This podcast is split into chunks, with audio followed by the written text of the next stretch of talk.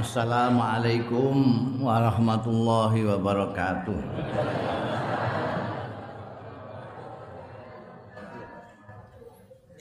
Senajan pun akhir tapi tesih Syawal. Terutama sing dereng panggih kula. Kula ngaturaken sugeng riyadi. Idun Said a'adahullah alaikum bisa'adati wal khairi wal rafahiyah wa kullu amin wa antum bi khair. Mugi-mugi amal ibadah kita khususnya amal ibadah wonten bulan Ramadan dipun tampi dening Allah taala. Dosa-dosa lan kesalahan-kesalahan kita dingapunten dening Allah Subhanahu wa taala. Kula niki sing penggaweane guneman. Bahasa Jawane cangkeman. Ini mesti kathah salahe kalih jenengan. Niki wekdal kesempatan saya kula pribadi nyuwun ikhlase penggalih jenengan ngapunten menawi wonten kata-kata kula utawi tindakan kula ingkang boten ngranani dhateng penggalih panjenengan sedaya. kula njaluk ngapura lahir batin. Saleh ning kula niku tiang terkenal. Jadi ada kemungkinan sampean iki nate ngrasani kula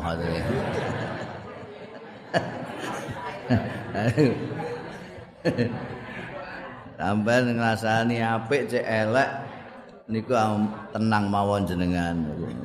Mergo kula pun janji kali awak kula dhewe nek ana dulur kanca kok nyalai aku tak ngapura mulai ndekne nyalai aku. Sampeyan mulai nyalai aku ngrasani kula langsung pun kula ngapura. Hmm. Mulane rasah ngrasani wong ngrasani kula mawon. Sampeyan ngrasani wong iku dosa. Ngrasani kula pun kula ngapura. Dadi enak pokoke. Sampai rasani muntek ngamek mboten apa-apa. Wong kula mboten krungu mawon. Alhamdulillah kula jenengan sedaya niki mpun kathah mulan.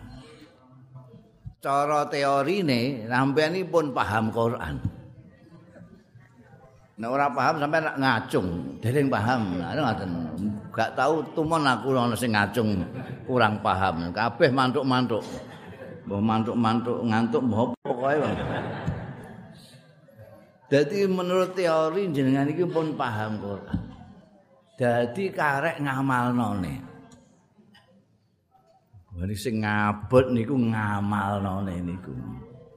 nek macane Quran wis sameh kabeh wong Islam maca Quran minimal nek wulan Ramadan paham Quran mungkin ya akeh sing wis paham terutama sing wis ngaji tafsir Quran sing ketok isih warang-arang niku sing ngamalno Quran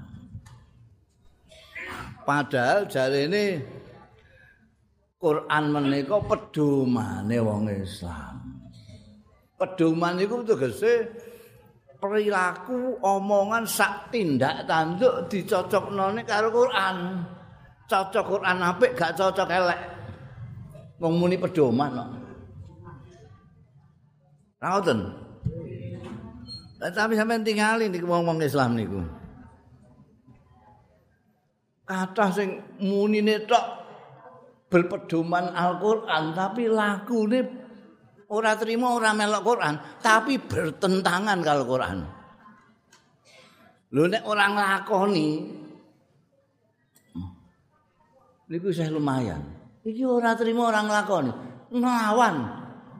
Nauzubillah min dzalik. Jadi Quran ngongkon ngulon ndik ngetan. Nek Quran ngongkon kulon kula sampean tenguk-tenguk saya lumayan. ora melok ngulon tenguk-tenguk. Iki ora. Quran ngongkon ngulon kene ngetan.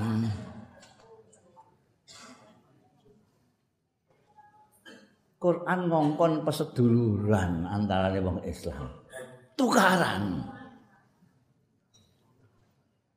Senengane tukaran karo dulur. Niki rak berlawanan. Innamal mu'minuna ikhwah. Pas duluran. Quran ngongkon supaya aja kakean curiga karo dulure. Awake dhewe curiga ameh angger wong. Quran nglarang ngrasani wong. Niki dina sakniki sampeyan dhewe ngrasani wong niku babane wong wedok-wedok iku. Padahal ning gone makom pengajian. Bayangno ning pasar. Bayangno ning terminal. Bayangno ning pawon. Ning majelis pengajian ning ngrasani wong. Nemen to niku. Padahal Quran nyebutake wala yaghtab ba'dukum ba'dukum. Ngrasani wong padha karo mangan batange dulure dhewe. Oh, gak jijik apa ya? Amal no Quran. Wah ya. Nek geneman mau ya wah hebate ra karuan. Nek dhewe mulyane ning cangkem tok. Nek khutbah Masya Allah kita itu harus berpedoman dengan Al-Quranul Karim. Itulah satu-satunya pegangan kita untuk hidup. Wah iya iya ngono. Ini dhewe gak nglakon wong bariku terus mitnah wong. Mitnah gak oleh mbek Quran piye terusan iki awake dhewe pun gadah tanggung jawab mergo wis paham Quran. Nek wingi-wingi saya iso muni, aku dereng paham terus ya. Sampeyan warai ya ben paham, mangke kula lakonane. Sampeyan pun paham. Niku lajeng jawab sepundi malih sampeyan.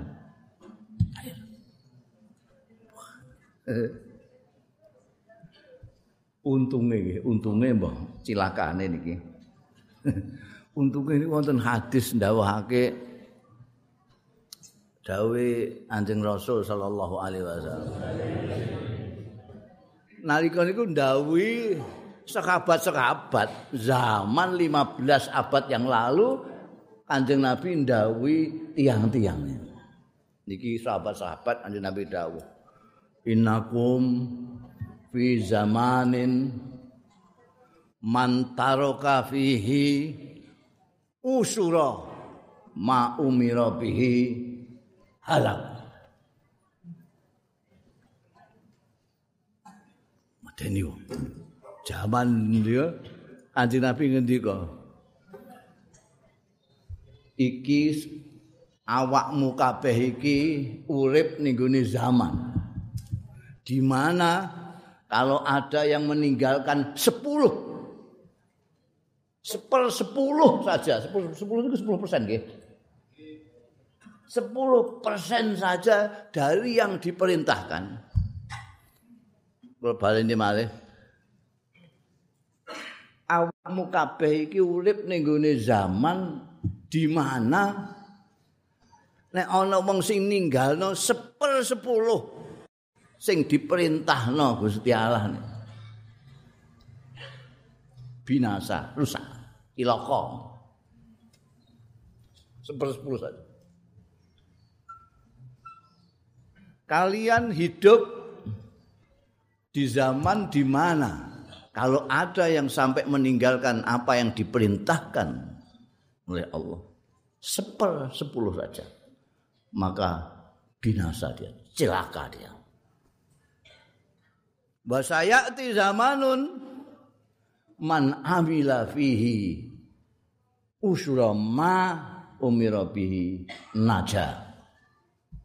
Nanti akan datang zaman di mana orang yang mengamalkan sepersepuluh saja yang diperintahkan padanya dia sudah selamat. Awak ini bejo sampai ini bejo urip zaman saat ini sampai urip zaman kanjeng Nabi Muhammad Sallallahu Alaihi Wasallam ninggalno seper sepuluh perintah Gusti Allah saja rusak cilokon jadi sampai bayangin api wong-wong zaman kanjeng Nabi sahabat-sahabat api itu. Sepersepuluh aja tidak ada yang meninggalkan. Sepersongo mungkin.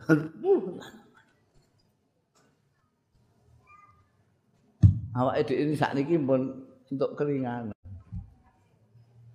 Ngamalno sepersepuluh wae sing diperintahno Gusti Allah selamat. Sepersepuluh wae kok ora. Sebar duit ndok engko temawan. Niku biyen niku, jaman tesih ditunggoni Kanjeng Nabi kok ngantek ninggalno sepersepuluh saja yang diperintahkan. Iku zaman Kanjeng Nabi Muhammad sallallahu alaihi wasallam. Wong meneng kabeh ana wong nglakoni sesuatu perbuatan. Kok kabeh wong meneng? Berarti perbuatan iku oleh gak apa-apa. Ana wong ngomong sesuatu kabeh meneng berarti omongan iku ora salah. Mulane terus wonten namine ijma sukuti. Artine wong-wong nek meneng kabeh berarti itu ora apa-apa. Niku biyen. Sakniki mboten nonton ijma sukuti. Wong nyolong barang ya do meneng kabeh. Roh iku meneng kabeh. Dadi ra kena diku standar menenge wong niku. Biyen standar. Wong meneng tandane iku ora apa-apa. Mergo ora ana perbuatan elek satu pun yang tidak. Ono sik eh enggak bener iku. Mesti ngoten. Ramalane Kanjeng Nabi niku saestu. Wonten riwayat Imam Ahmad tentang Musnad Imam Ahmad ngendika Kanjeng Nabi Muhammad sallallahu alaihi wasallam. Saya ti zamanun qalilun ulama'u kathirun khutoba'u. Biyen zamane Kanjeng Nabi Muhammad sallallahu alaihi wasallam sing akeh ulamae. Sing akeh ulama sing tukang pidato suwidik ameh gak ono. Gak ono. Pidato paling Kanjeng Nabi Muhammad sallallahu alaihi wasallam Kabat Abu Bakar mau narang-narang, kabat Umar. Ramalan kanjeng, engkau bakal teko zaman di mana ulama siti sing tukang pidato ini wakil banget. Lah saat ini pun dadi anu ramalan kanjeng Nabi puasa niki tapi golek kiai angel, tapi golek no, ustad tukang pidato wah sabrek sampean. Orang mau ning podium-podium tok ning TV pihak-pihak. Waben wong iso dadi tukang pijato. Pun ngoten niku sampean iso nglakoni perintah Gusti Allah 10% e mau sip pun selamat.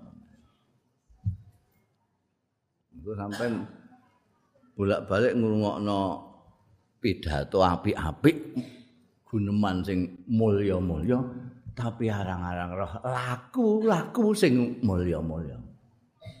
Sing apik, sing akeh wong gendang. Ulama niku sing ngamalno ilmune. Ora sing ngomongno ilmune tak. Ngomongno ilmune niku bintang film niku sakniki saged. Jadi ustaz, tapi bener ngerti sampean. Kuatah niku. Artis-artis sing dadi mergo gampang ngomong niku gampang. Mboten usah latihan kula niku pinter pidato ora latihan blas. Mbah keturunan mbah piye ngono. Sama kula niku wong soalé rong tahun durung iso mlaku tapi iso geneman kok kula niku. Kula niku pantaran kula kalih kula niku.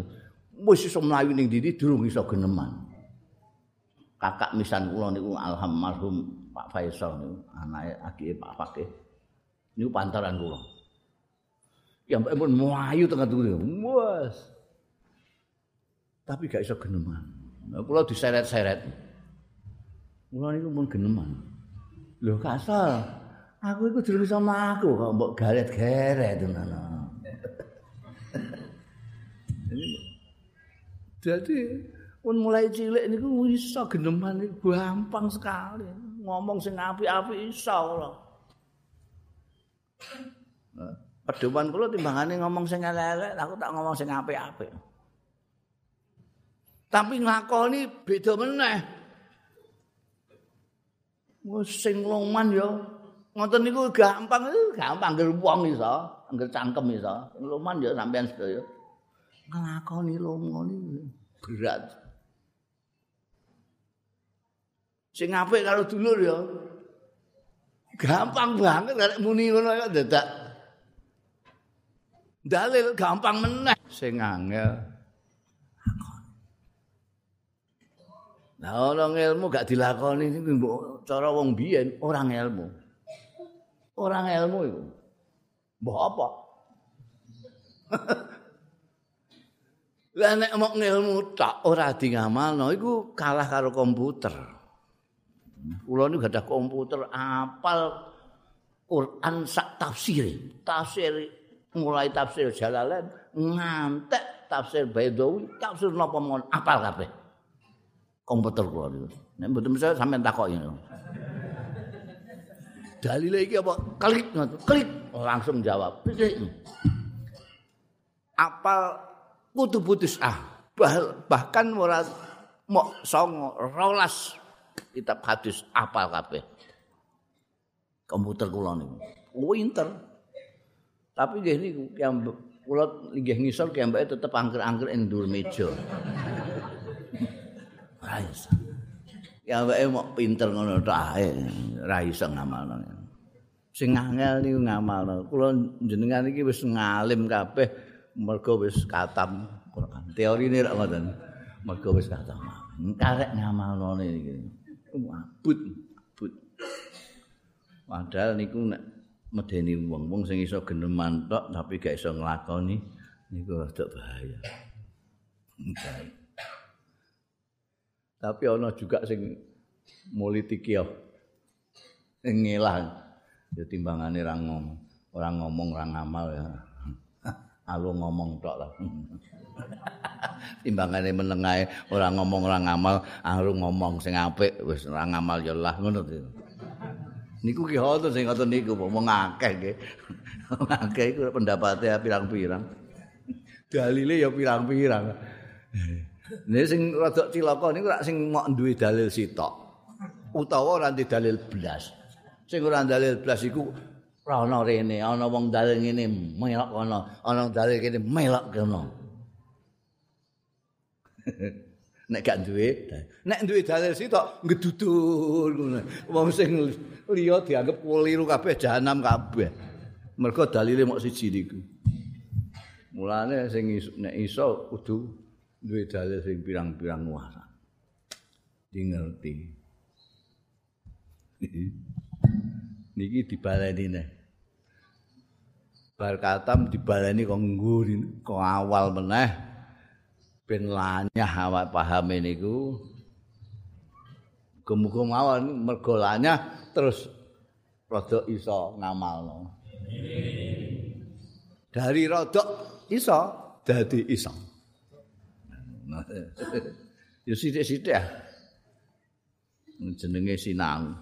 Sinau dek dirone-roni karo setan barang. Awake dhewe niku segelem sinau dirone-roni setan. Setan niku muni, "Alah, kowe wis ngono iku rak sapi Delok ah kanca-kanca ning kampung, blas ngaji ae ora kok. Wis apik kowe iku. Wis ah. Tenan semrohi swarga mengon nek kowe iku. setan iki ngoten niku. Eh, supaya awake niki kendu ngoten ya. Alhamdulillah aku sapi ya.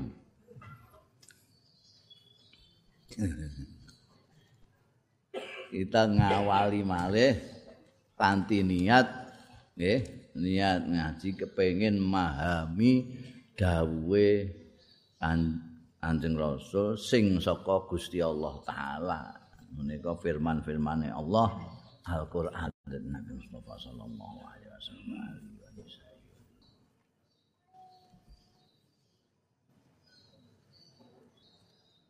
Al-Fatihah. A'udzu billahi. Bismillahirrahmanirrahim.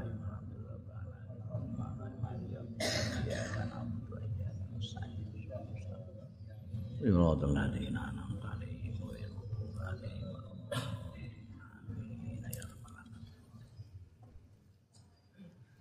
قال الله تعالى وهو أصدق القائلين أعوذ بالله من الشيطان الرجيم.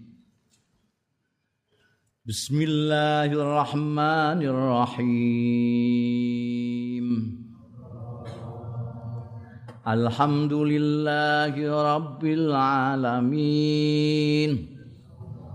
Ar-Rahmanirrahim Maliki Yaumiddin. Maliki Yaumiddin. Iyaka na'budu wa iyaka nasta'in. Ihdinas sirat siratal mustaqim.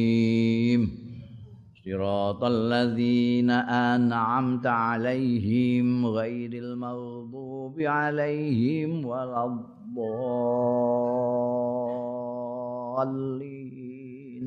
Amin.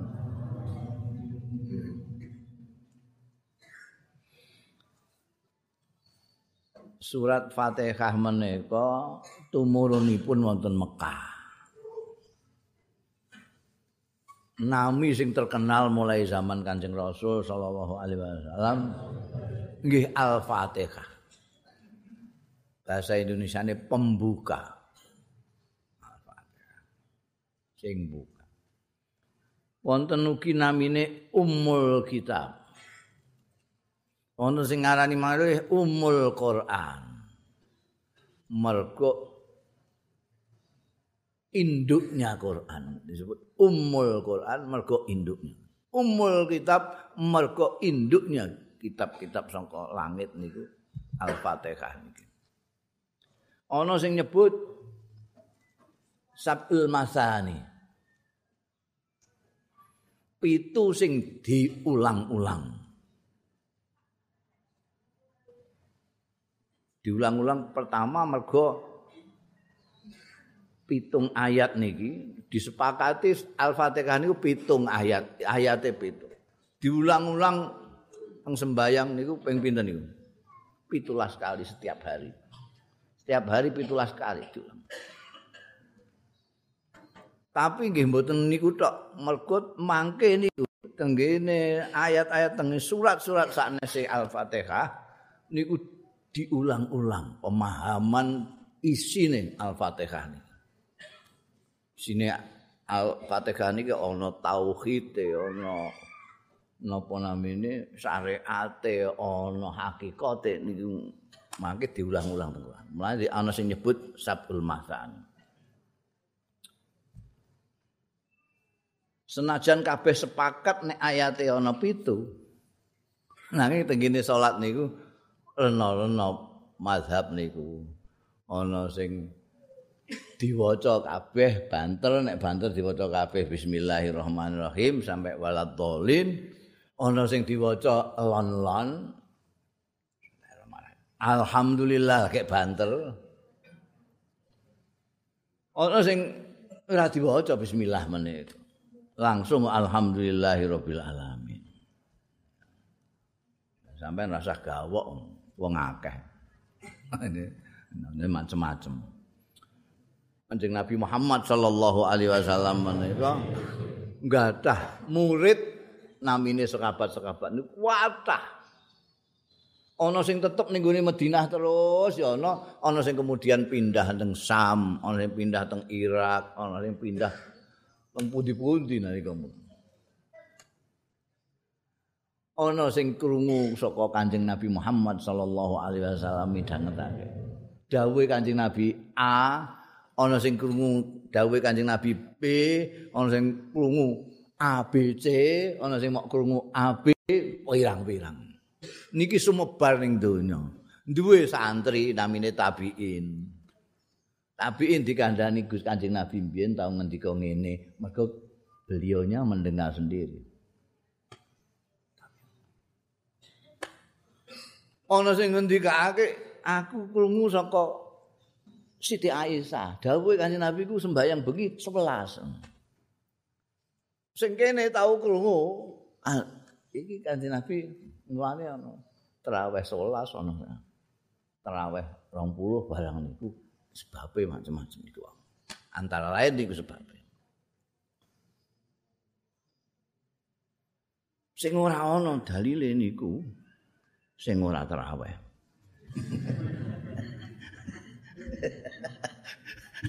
traweh 11 lah niku ana dalile. Maca bismillah banter maca bismillah lan ana dalile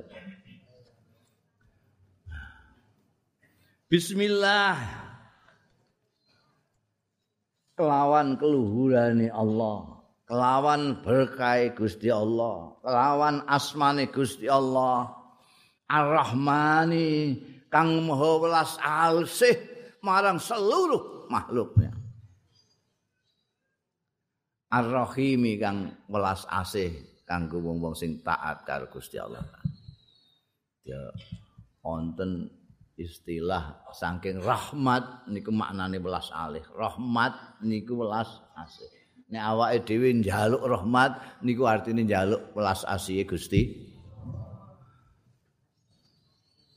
Nek sampean kon ngomong uluk salam kalih kanca jenengan assalamualaikum warahmatullahi wabarakatuh tegese sampean di antara lain nyuwunake sederek sampean sing sampean salami niku sampean suwunake welas asihe Gusti.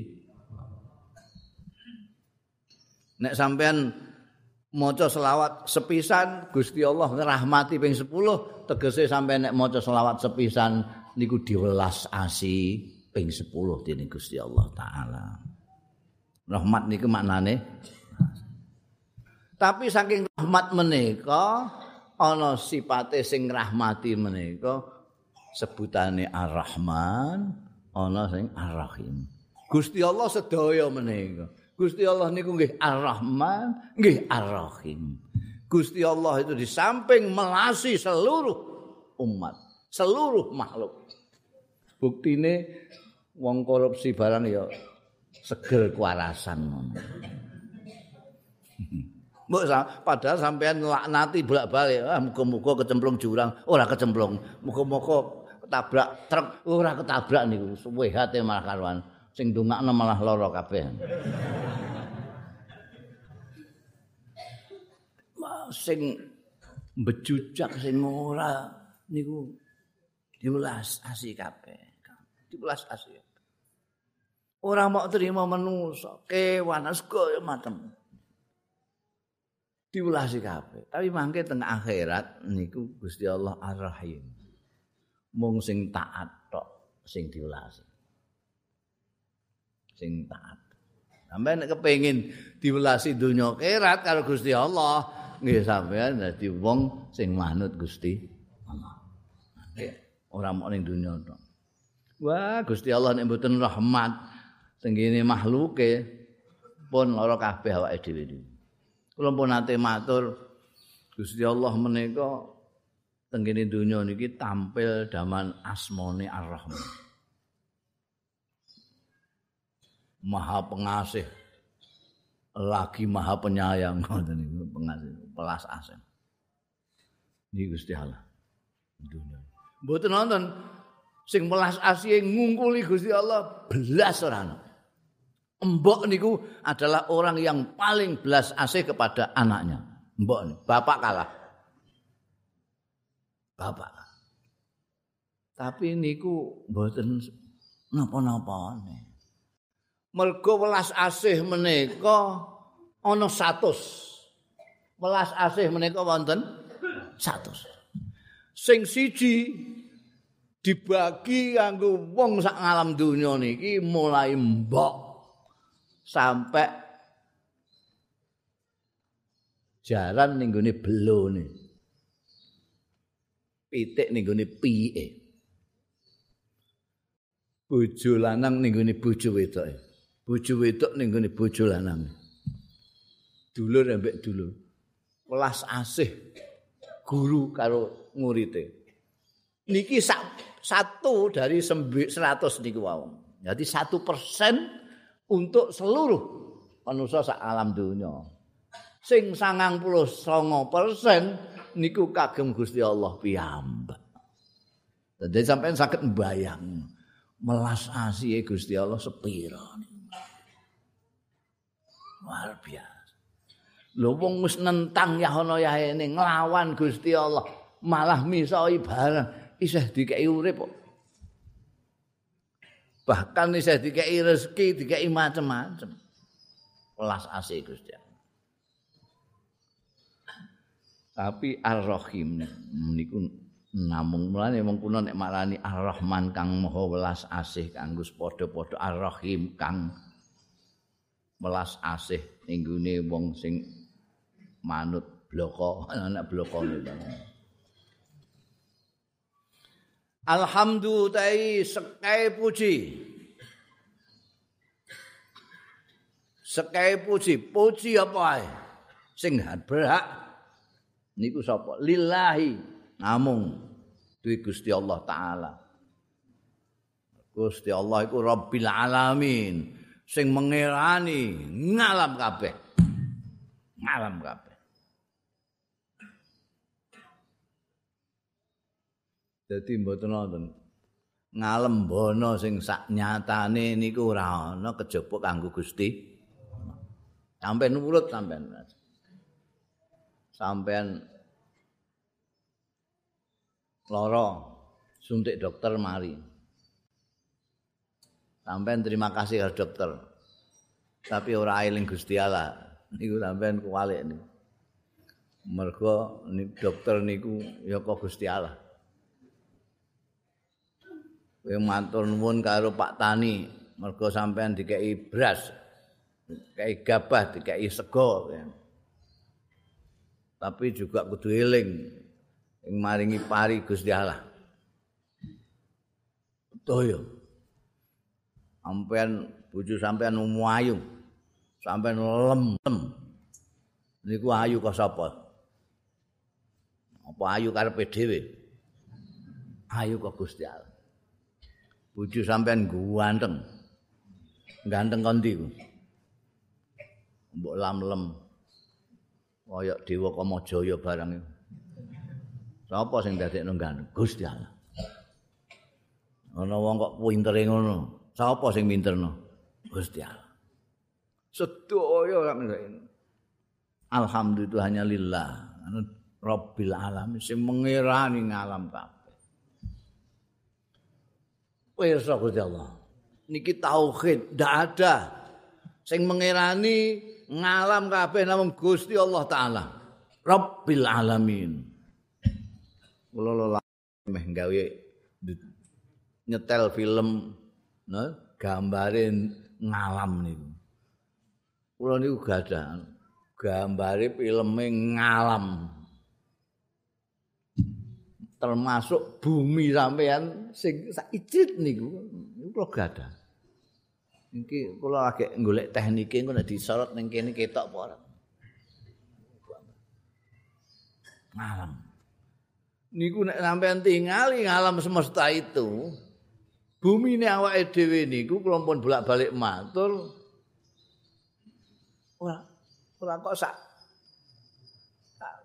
sak wiji kacang hijau mulai cilik meneh sak debu sebutir debu ini malam lebih banyak sekali bila alam engko atur piye carane supaya apa filmku alam semua itu iso disorot rene no. Oh, engko ben iso ngerti kabeh. Nek mau cerita ngene tok mboten ngerti. Roh dhewe sampean niku cilike sepira niku. Gede Gusti Allah sepiro, Rabbul Alamin ini sepiro.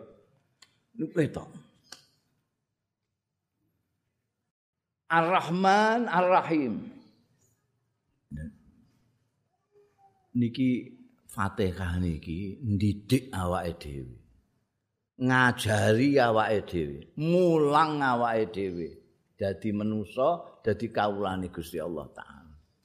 Pertama, sekali kita akan melakukan sesuatu Jolali Bismillahirrahmanirrahim.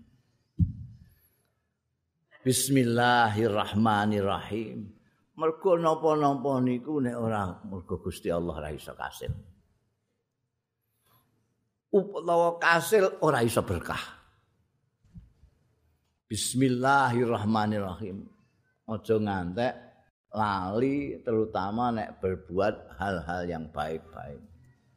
Mulai ngunjuk dahar apa saja jalali maca bismillahirrahmanirrahim. karo diresapi maknane bismillahirrahmanirrahim supaya keberkahan melas asihe Gusti Allah taala sakniki kathah wong Islam niku mbah tau maca bismillahirrahmanirrahim mbah ora tapi nek ndelok kelakuane iku kok ora duwe welas asih ketoke ya mok maca-maca tok ora diresapi kawulane zat sing melasi seluruh alam di dunia ini. Sing ning akhirat urusane Gusti Allah nanti. Sing ning alam dunia ini merahmati. Tapi saat ini kan kata yang Islam ini kita kudu gejik wong liya terus saya. Kayak gregeten terus saya. Gregeten itu apa wong ora melok duwe blas. ora melok duwe wong sing Rabbul Alamin Gusti Allah no. sing nitahake Gusti Allah taala ndek kok gregeten iku lha apa wong kok ayune ngono gregeten aku lho wong ayu-ayune dhewe kok gregeten lho ora bojone elek sih lho kok elek-elek dhewe lho kok gregeten karepe dhewe ana wong ayu bojone elek lho kok gregeten sing mbok gregeti kuwi sapa sing ayu ya Gusti Allah sing gawe, sing elek ya Gusti Allah sing gawe. Lah kok kowe gregeten iku ora napa kowe?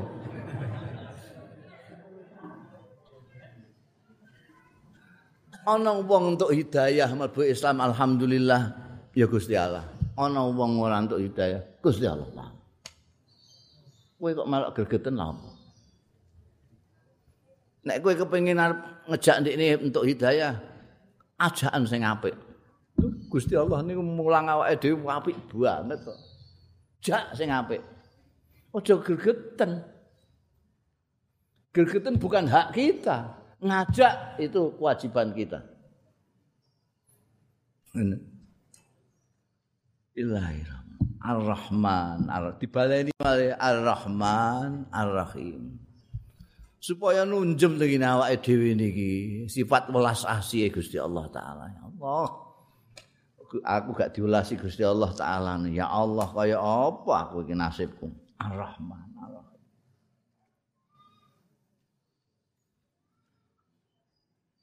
Maliki yaumiddin kang ngratoni ana ing dinane kiamat kiamat disebut din dina wales hari pembalasan nek teng donya niki wong elek, wong apik diwelasi kabeh. Tapi hati-hati nek ngantek wani-wani karo Gusti Allah, engko ana yaumuddin. Sing ngratoni sing nguasani namung Gusti Allah tok. Lah niki mengku tauhid nih. Al-Fatihah mengku tauhid mergo sing ngirani alam semesta hanya Allah. Siji tok tauhid. Ora ana liya. engko sing nguasani dina kiamat Gusti Allah tok ora ana liyane tauhid tenan lah nek kaya ngene Gusti Allah iku wis sak mestine nek awake dhewe niki kawula niku nyuwun dhateng Gusti Allah iya kana budu wa iya kana stain iya kan namung ing panjenengan nak budu nyembah kawula. Wa iyyaka lan namung dateng panjenengan nasta'inu nyun pitulungan kula sedaya Sawuse jenengan niku dikenalno Gusti Allah taala sing maha welas asih. Gusti Allah taala sing menguasai alam semesta. Sing mengerani kabeh wong alam. Sing nratoni dina kiamat. Sampean diwarai madhep ning ngene Gusti Allah. Iya kana budu wa iya kana stain iya kana budu wa iya kana stain jenengan perhatekno redaksi ini Al-Qur'an iki nalika maraya wae dhewe. Ning Alhamdulillah mulai bismillahirrahmanirrahim alhamdulillahi rabbil alamin arrahmanirrahim maliki yaumiddin. Niku kaya-kaya awake dhewe lagi ngrembug Gusti Allah. Orang ketiga. Niku bahasa niku untuk orang pertama sing ngomong orang kedua sing diomongi orang ketiga sing dibakas nalika bismillahirrahmanirrahim ngantek maliki yaumiddin Gusti Allah sebagai pihak ketiga. Tuhan yang merajai semua alam, Tuhan yang maha pengasih lagi penyayang, Tuhan yang menguasai hari kemudian angon. Tapi tenggini berikutnya iya karena budu wa iya karena stain Gusti Allah menjadi pihak kedua. awake dhewe langsung berhadapan kalih Gusti Allah taala. Iya kan namung dateng panjenengan Gusti nak butuh nyembah kula. Wa iya kan nastain namung dateng panjenengan kula nyuwun dateng. Niki iya kan isine Fatihah niku tauhid niku wau isine ibadah iya kana ibadah menika nglakoni semua perbuatan yang diperintahke Allah taala. Niku ibadah. Sampean salat niku nglakoni napa niku nglakoni perintahe namine ibadah sampean poso nglakoni perintahe Gusti Allah ibadah. Sampean zakat nglakoni perintahe Gusti Allah. Sampean apik karo bojo nglakoni perintahe Gusti Allah. Sampean apik karo dulur nglakoni perintahe Gusti Allah. Ibadah kabeh. Dadi ibadah niku mboten kok mok sing ketoke salat, poso, zakat, kaji mboten. Malah kadang-kadang ana sing ketoke ora ibadah, tapi ibadah. Kosok wangsule ana sing ketoke kaya ibadah, tapi ora ibadah. Contohnya apa? Ya contohnya itu, apik karo bojo. Niku wis biasa ya. Ibadah? Wong turu karo bojo kok ibadah. Lho, perintah Gusti Allah. Neng pasar kok ibadah. Lho, ndekne ning pasar niat golekno nafkah anak bojo, diperintahna Gusti Allah. Miyang kok ibadah. Lho ndekne miyang golekno anu nafkah anak bojo, perintahna Gusti Allah. Jadi ibadah. Tapi ana sing ketok ibadah, tapi ora. Mergo niate ora. Kaya apa? Kaya maca Quran ning MTQ. MTQ maca Quran niku niate golek pahala apa piala? Golek piala. Eh, piala iku donya. Nek pahala lagi akhirat. Nanti ibadah. Iya kan. Mboten nak buduka tapi didhisikno Gusti Allah. Iya kan. Namung dateng panjenengan. Nak budu. Mboten nak buduka nyembah kula teng panjenengan ora, kurang iku. iya kak namung dateng panjenengan. Nak butuh nyembah iya kak nastain ngibadah sak ngibadah niku ora iso. Mbok sampai anak kiai lah. Kumpul karo santri-santri terus. Ajeng ibadah. Ora iso nek ora ditulungi Gusti mulane wa iya kak nastain.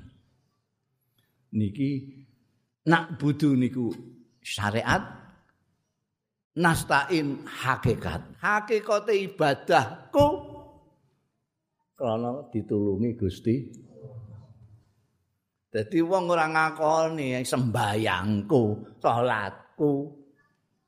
Ibadah niku mulane oleh ulama-ulama itu ana ranking Ana ibadah ndek-ndekan kelas kambing. Ngibadah mergo kepengin swarga. Supaya ora dijegurno neraka. niki rada endek-endekan iki. Tapi sih lumayan iki. Timbangane sing sembayang krana maratuwa. niku ora masuk hitungan iki, ora masuk hitungan. Yang nomor tua sembahyang nek ora ora. Niku ora masuk hitungan. Niku sing dhuwur dhewe niku ndekne ora ngakoni ibadah. Iki wong paringane Gusti Allah kok. niku dadi ilmu hakikat niku. Mane ora kena wong syariat tok tanpa hakikat. Mergo iya kana butuh ya iya kana sa. Ora kena ngaku iki ibadahku dhewe aku mergo ngerti aku bar ngaji ngerti mm, carane wudu carane salat aku salat wudu. Ana sing iso ngono ya ora. Salat kok. Artinya apa? Artinya Gusti Allah ditulungi Gusti Allah. Ditulungi Gusti Allah. Ini hakikat. Mana nek sufi-sufi wali-wali ini butuh nate ngaku-ngaku bayangku, salatku, zakatku rata. Kabeh Gusti Allah. Mergo tanpa pitulungane Gusti Allah ora ana salat zakat. Ini hakikat. Lah niki awake dhewe kudu nyekel karo karo karone. Ya ngibadah secara syariat nglakoni sesuai karo aturan-aturane, syarat rukune sak piturute niki syariat. Tapi nek mbus nglakoni ya ampun terus diakoni sebagai salate dhewe tapi niki paringane Gusti Allah. Mulane awake dhewe diwarai Gusti Allah nyuwun dateng Gusti. Iya kan nasta'in. jenengan perhatosake malih redaksine Quran menika. Marai awake dhewe mulang awake dhewe niki supaya ora dadi wong sing egois anani. Nek cara bahasa Arab iyaka dateng namung dateng panjenengan nyembah kula niku bahasa Arabe iyaka a'budu. A'budu. namung dateng panjenengan kula nyuwun iya astain. Orang pertama. Tapi niki nak budu. Nak budune cara gramatika bahasa Arab niku mutakal ma'al ghair. Yang bicara dan kawan-kawannya. Bahasa Indonesianya kami kami atau kita. Tidak aku, nek aku mutakallim wahid. Sampeyan nek sembayang maca ping 17 niki. Niku sampeyan mboten njaluk kanggo awak jenengan piyambak. Tapi njaluk no kabeh CS sampeyan. Mergo jenengan gunakake nastain ngangge nun, bukan astain. nggo ngelingno awake dhewe nek awake dhewe iki ora urip dhewe. Tapi ambek kanca-kanca ambek dulur-dulur. Jamaah niku dipentingno banget tengene Islam menika. Ngantek diwarai jamaah lima kali sehari. Seminggu sekali lebih besar. Setahun sekali lebih besar lagi. Biyen niku masjid pirang-pirang teng Madinah niku, tapi nek Jumat tenggene Masjid Nabawi. Teng Rembang niki mbiyen nggih masjid kata, tapi nek Jumatan ning Masjid Jamek. Masjid Kabupaten. Guri-guri niki wong-wong tambah ora genah. Roh gak cocok karo imame ngono terus gawe masjid dhewe. Akhire masjid pating telecek dinggo Jumatan kabeh terus ana masalah sing sah sing endi. Weker genjik gak karu-karuan gara-gara kelakuane wong-wong. Mergo ora memahami tujuane. Tujuane niku ana masjid-masjid sing kanggo itikaf tok, kanggo jamaah salat fardhu tok, masjid niku. masjid di desa atau masjid kecamatan lah paling ngono. Iku nggo jemaah fardu, nggo jemaah nggo iktikaf. Nek sembahyang Jumat luwih gede. Nek bodoh mergo sing gak biasa salat bareng ya melok salat. Niku ditambahi lapangan. Tinggo gegeran sing apik lapangan apa masjid. Mergo ora paham tujuannya. Ono kok sing gede banget ning gone lapangan tok gak cukup nono niku teng Arafah mang niku pertemuan masal secara internasional. Wong Islam dindi mall jadi siji ini. Niki wah Islamnya ini luar biasa tuntunan ini berjamaah. Jadi teng Islam niku ora ana gak oleh wong kok.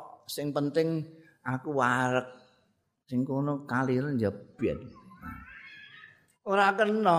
Sing penting aku ning swarga. Kono digeraji ndase ya lah. Ora. Mboten kena teng Islam.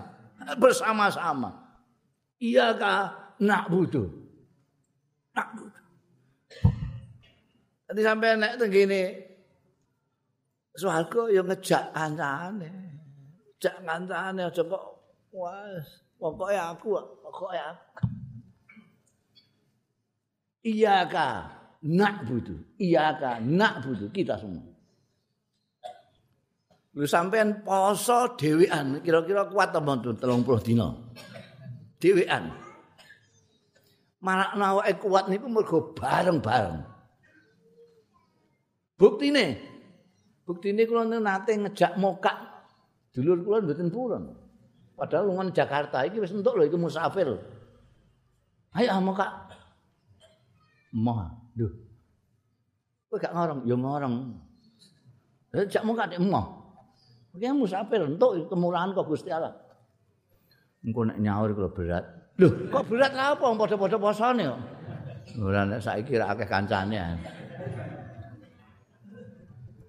Jadi kadang-kadang awake dhewe gak sadar kita itu makhluk sosial yang sebetulnya tertolong dengan kebersamaan itu. Senengane terus yang penting aku. Ini ku egois. Diwarai karo Gusti Allah nyembah jamaah. Iya kana budu. Aja kok sing penting aku ngibadah, kono ora ibadah ya Allah. Iku padha karo sing penting aku arep kono kaliren ya Allah. Tak boleh. nyuwun ya bareng-bareng ihdina ora ihdini.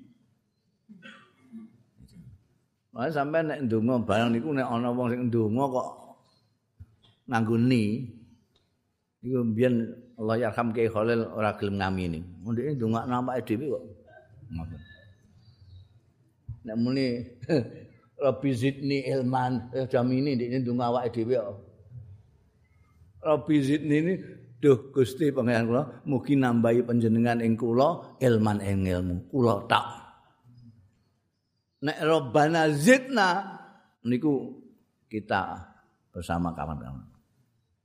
Wonten sing mergo saking ijazah kok kono niku nganggo ini dadi macane barang donga ini. Lali nek lageken diamini wong akeh barang sing donga kan. Ini as'aluka ngono iku. Mestine inna nas'aluka. kaya sing diwarahno Al-Qur'an. Niku wala niku ora kudu ngerti sorop, ya ngerti sithik-sithik rambut napa-napa. Ngoten.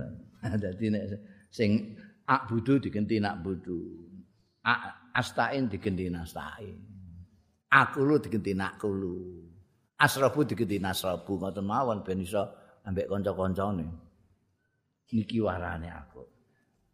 Nyun nggih, ihdina Mugi paring pitedah panjenengan Gusti ing kula sedaya. nek tegene anu maknane mau ingsun ngoten mawon kawula. Ingsun niku duwe makna dhewe iso duwe makna bareng-bareng. Tapi nek bahasa kita nggih kita sedaya. Mugi panjenengan nedahaken ing kita sedaya Gusti as-siratal mustaqim ing margi ingkang luas jejeg kenceng siratal ladzina an'amta alaihim.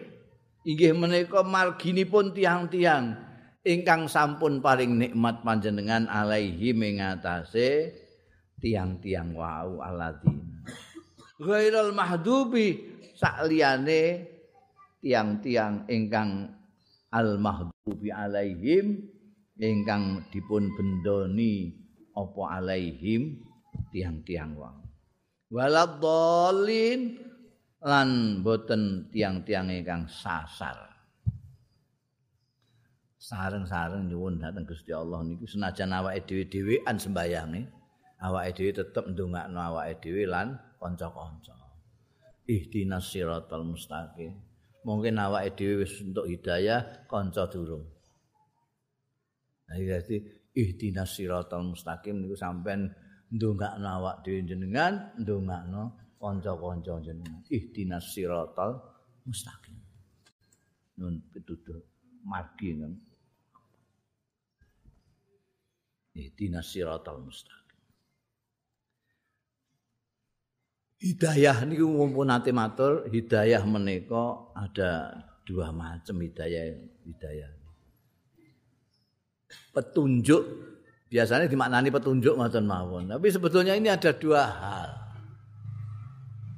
Nek ana guru, ana ustad, ana dai mubalek niku ngajak sampean apik niku juga namine petunjuk. Namine hidayah juga. Tapi hidayah sing paling hidayah, petunjuk sing asli hakikat menika petunjuk Gusti Allah taala. Artinya seperti mbok mubalek paling fasih sekalipun pengen nuduhno wong nek Gusti Allah ora paring hidayah kalih wong niku ora iso.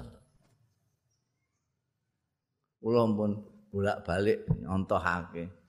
Ana apa mubalek dai sing fase ngungkuli Kanjeng Nabi Muhammad sallallahu alaihi wasallam. Kira-kira ana apa ora? Sak kuku irenge gak ana.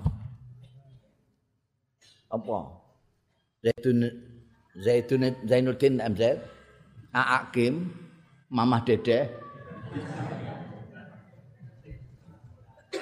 Ora ana apa-apane sak kuwirnge Gus Kanjeng Nabi Muhammad Kanjeng Nabi Muhammad menika ora iso ngejak Abu Lahab pamane dhewe ning ngene Mboten saged. Mergo napa? Mboten diparingi hidayah dening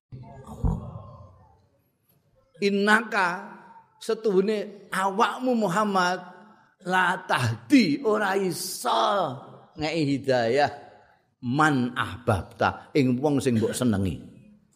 Wong sing mbok senengi lah yo. Kowe ora iso ngejak ning swarga ga iso. Walakin Allah yahdi mayyasha nanging Gusti Allah sing paring hidayah ning wong sing dikersake Gusti Mula nate namselake wong ngotet melok Kanjeng Nabi sing ngadohe kaya ngono karo Kanjeng Nabi dari segi apa pun secara geografis adoh pitung samudra daleme Kanjeng Nabi karo ngotet Dari segi biologis ora dulur ora sanak. Dari segi tetanggan ora, dari segi darah tidak, dari apa-apa tidak jauh sekali. Bandingannya karo Abu Lahab. Abu Lahab ikut tonggo pete kanjeng Nabi, paman cerai kanjeng Nabi, besanan anak loro karo kanjeng Nabi, dijak. Ora iso malu kanjeng, malah misoi kanjeng Nabi. innaka la tahdi man ahbab niki nggo cekelan kare wong-wong sing gawene nuturi kancane niku nuturi ya nuturi iku kewajiban kita tapi memastikan dia yang dituturi iku tertuturi iku ora wewenang kita tapi Gusti. Jadi ora nepuk dada wong kene iki gak kenek dakwahku wes mbambung kabeh. Walah gayamu. Jajal kono kandhani Abu Lahab. Mulane awake dhewe nyuwun dhateng Gusti Allah mriku hidayah. Ihdinas siratal Nek Gusti Allah paring hidayah, mangke padang kabeh dalan niku cepet. Dan iki kita waca bolak-balik. Saben dina niku ping pira niku? 17 kali, 17 kali. Kok gak masuk iku ya keterlaluan. Nalika maca ihdina watake waktu iku ngelamun aja. Nalika maca ihdina iku ora nyuwun pituduh menawa. Lah lha opo? Lagi angen-angen Messi kok ngantek mulai kampung. Ini tidak sudah tahu besar kok kelingan Kang Mustaqim banget. Margi ini sinten sing mbok jalan jalan sing lempeng, jalan sing jejeg, jalan sing luas, sing padang sak pitulute niku dalane sapa? Diwarai karo Gusti Allah. Siratal ladzina an'amta. Ya menika marginipun tiang-tiang ingkang sampun panjenengan paringi nikmat. Sinten niku? Nabi-nabi. Syuhada wong-wong sing syahid-syahid. Solihin tiang-tiang sing soleh. Niki margi niki. Kaya awake dhewe nyuwun Gusti Allah diparingi kaya sing diparingna Gusti Allah ning nabi-nabi, ning para syahid lan diparingna karo wong-wong saleh. Wong-wong sing saleh. Wong saleh iku sapa? Wong saleh menika wong sing apik karo Gusti Allah lan apik karo kawula-kawulane Gusti Allah gampangane ngoten mawon. Mencekaos. Wong sing pantes dadi kawulane Gusti Allah niku wong sing apik karo Gusti Allah. Jadi soleh niku wong sing pantes dadi kawulane Gusti. Wong sing pantes dadi kawulane Gusti Allah, wong sing taat karo Gusti Allah, apik karo Gusti Allah, apik karo kawula-kawulane Gusti Allah. Kula nek ngarani dia soleh secara ritual dan soleh secara sosial. Ora kena dinyang. Aku tak apik dhuwur tok ae. Kene tak ora. Aku tak apik tok mbek Gusti Allah tok. Kawulane tak sikuti Allah. Saleh. Niki sing diparingi. Ghairul maghdubi alaihim boten margine tiang-tiang sing panjenengan bendoni, tiang sing dibendoni niku tiang sing ngerti tapi ora ngerti, ora nglakoni sing dingerteni. Kaya wong Yahudi niku ngerti nek Kanjeng Nabi Muhammad sallallahu alaihi wasallam. Utusane. Wong-wongan ahli kitab ngerti Kanjeng Nabi ini wong kitabe ana kok. Ning gone kitabe dijelasno engko akhir zaman ana nabi. Nabi Muhammad sallallahu alaihi wasallam pun nonton kitab. Tapi ki ambake orang nglakoni apa yang diketahui. Ini maghdubi alaihi walad dolin. Niki wong sing sasar lan sasar pancene ora ana sing ora ana sing kae kaya wong kafir Mekah warang niku musyrik-musyrik niku. Dadi awake nyuwun diparingi hidayah diparingi hidayah kaya nabi-nabi kaya orang-orang yang syahid wong-wong sing saleh. Sampean karek muni amin ngoten mau muni diwarai diwarai Gus. Jadi Jadi niki niki Fatihah niku mbek wong-wong mok dinggo nyuwuk tok ngoten mawon tanpa dirasakno maknane. Padahal nek dirasakno niki induknya dari kitab Al-Qur'an niki Fatihah. Ya Fatihah. Pancen ki ana apa namanya riwayat-riwayat hadis-hadis yang dawake nek Fatihah iki pancen istimewa. Al-Fatihah itu lima kuriat lah. Fatihah itu nganggo apa jari sing maca. Jadi sampean kepengin dukun Fatihah tok niku modale mun cukup. lima kuriat lah kok. Eh? Wong nyampe ya. Hah? lara weteng pateka ngono memang wong biyen niku lak jaman sekabat niku ana sekabat niku sing pas ning lelungan ngono lesu kabeh. Ning gone kampunge wong medhit kabeh. Ngantek njaluk. Njaluk mangan apa njaluk sarapan gak ono sing gelem ngeki. Wis sak kampung medhit kabeh. Niku ana daerah ngoten niku. Daerah medhit namine lha ana sisi-sisi ya sing gelem ngeki sarapan? Dilalah kesane ora lurahe dicokot ula. Wambakne dukun setempat ora mari terus ana sing duwe ide iku mau ana wong musafir pirang-pirang mau. Mbok menawa duwe donga suwuk tututi tututi. Tututi jaluk nesu moh jaluk sarapan ra oleh oh kana ben ngatek ra lan jungunah tulung ah tulung. Kowe njaluk apa nek mari? Musuh langsung. Njaluk wedhus semene 10 njaluk wedhus 10 modhe diketakno ngantek gelem mergo lurah. Ya wis. Wedhus. Mereka kan wedhus pakanane. Suwuk nganggo Fatihah. Langsung mari. Jegirat langsung. Eh, endi endi wedhuse? langsung al sombleh niku gegeran iki sahabat. Siang siang matur Kanjeng Nabi. Iki halal ta ora dhuwit ngene iki. Ini iki bondo balas dendam ha iki. Eh. Oh. Oh, kene sak lesu aja tak. Oh, salah. Engko putusane Kanjeng Nabi belakang hari. Pokoke iki saiki lesu iki kudu di atas isik. Membelah wangan. Ana sing mboten purun dal ngenteni watuane Kanjeng Nabi niku ngoten sithik-sithik mesti takokno. Niki mboten gebrak dhisik pokoke.